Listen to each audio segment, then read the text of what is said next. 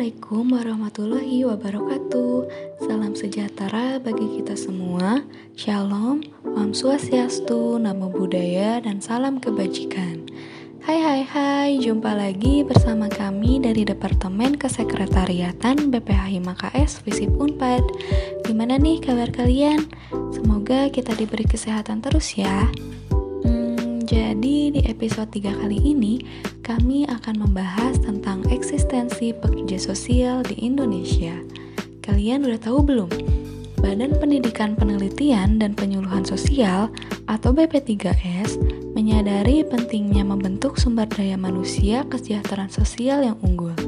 Salah satu langkah yang ditempuh adalah memperkuat profesi pekerja sosial. Undang-undang untuk mengatur pekerja sosial sangat diperlukan sebagai pedoman formal atau legalitas bagi pekerja sosial dalam melaksanakan praktiknya di Indonesia. Maka pada tanggal 1 Oktober 2019 di Jakarta, Undang-Undang Nomor 14 Tahun 2019 tentang Pekerja Sosial disahkan oleh Presiden Joko Widodo. Undang-undang tersebut mulai berlaku setelah diundangkan oleh Menhunkam Cahyokumolo pada tanggal 2 Oktober 2019 di Jakarta. Menurut undang-undang, pekerja sosial adalah seseorang yang memiliki pengetahuan, keterampilan, dan nilai praktik pekerja sosial serta telah mendapatkan sertifikat kompetensi.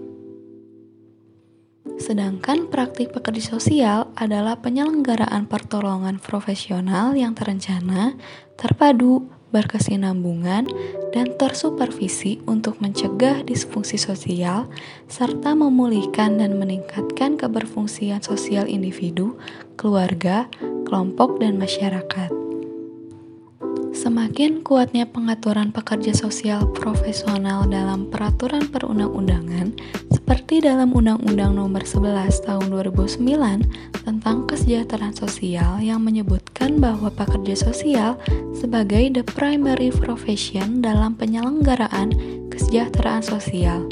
Undang-Undang Nomor 13 Tahun 2011 tentang Penanganan Fakir Miskin dan Undang-Undang Nomor 11 Tahun 2012 tentang Sistem Peradilan Pidana Anak. Hal ini menjadi landasan kuat untuk penyediaan pekerja sosial profesional di Indonesia.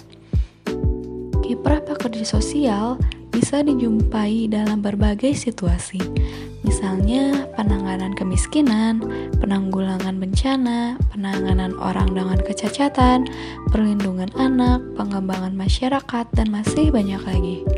Kenapa sih pekerja sosial bisa dijumpai dalam segala kondisi? Karena para pekerja sosial mempunyai komitmen untuk mencegah terjadinya disfungsi sosial serta meningkatkan keberfungsian sosial sehingga dapat mewujudkan masyarakat yang sejahtera dan juga lingkungan yang aman dan nyaman. Maka dari itu, para pekerja sosial aktif mendorong perubahan sosial dalam interaksi antara manusia juga lingkungannya.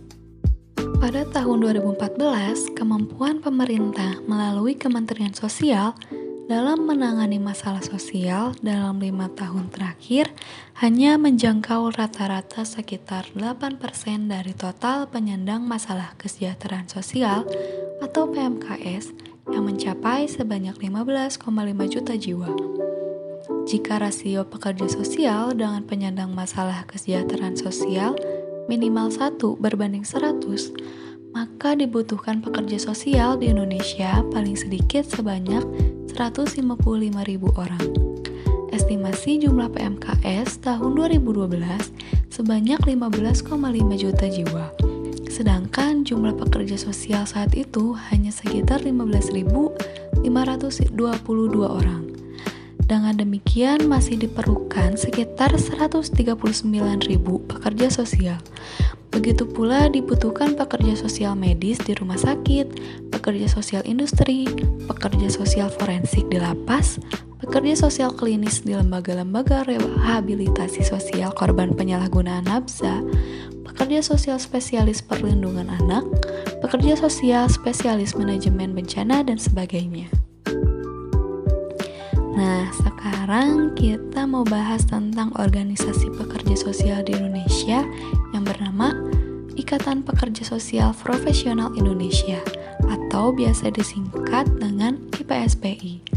IPSPI adalah organisasi profesi pekerja sosial yang didirikan di Jakarta pada tanggal 19 Agustus 1998. IPSPI bertujuan untuk mewadahi pekerja sosial profesional Indonesia dalam meningkatkan pengakuan dan kompetensi praktik agar dapat mewujudkan pekerja sosial yang berkualitas, profesional, dan akuntabel.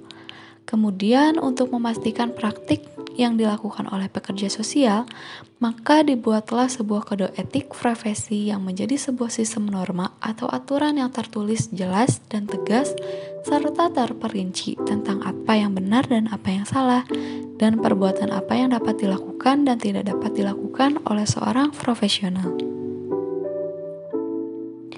IPSPI juga memiliki kode etik sebagai pedoman yang wajib dimiliki oleh pekerja sosial profesional di Indonesia loh.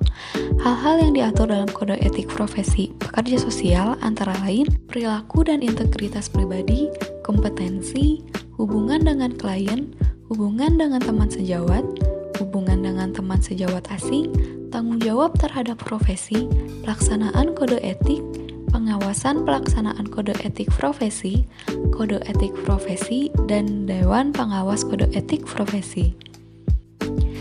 Harapannya, para pekerja sosial profesional di Indonesia mulai mengacu kepada kode etik sebagai pedoman dalam melaksanakan praktik pekerjaan sosial. Selain sebagai alat kontrol, juga sebagai pelindung bagi pekerja sosial dalam melakukan karya secara profesional. Pada tahun 2006-2007, IPSPI sempat dipercaya oleh UNICEF untuk menyelenggarakan proyek peningkatan kesejahteraan sosial anak di Aceh bekerjasama dengan Dinas Sosial Provinsi Aceh dan mendapatkan penilaian bagus dari UNICEF dalam hal pengelolaan keuangan. Nah, mungkin segitu dulu pembahasan mengenai eksistensi pekerja sosial di Indonesia. Aku harap kalian mau terus mencari tahu dan belajar tentang pekerja sosial. Terima kasih sudah mendengarkan podcast kami. Jangan lupa follow IG kami di @ks.podcast supaya tidak ketinggalan info episode-episode selanjutnya yang gak kalah menarik dan informatif. Terima kasih, sampai jumpa lagi.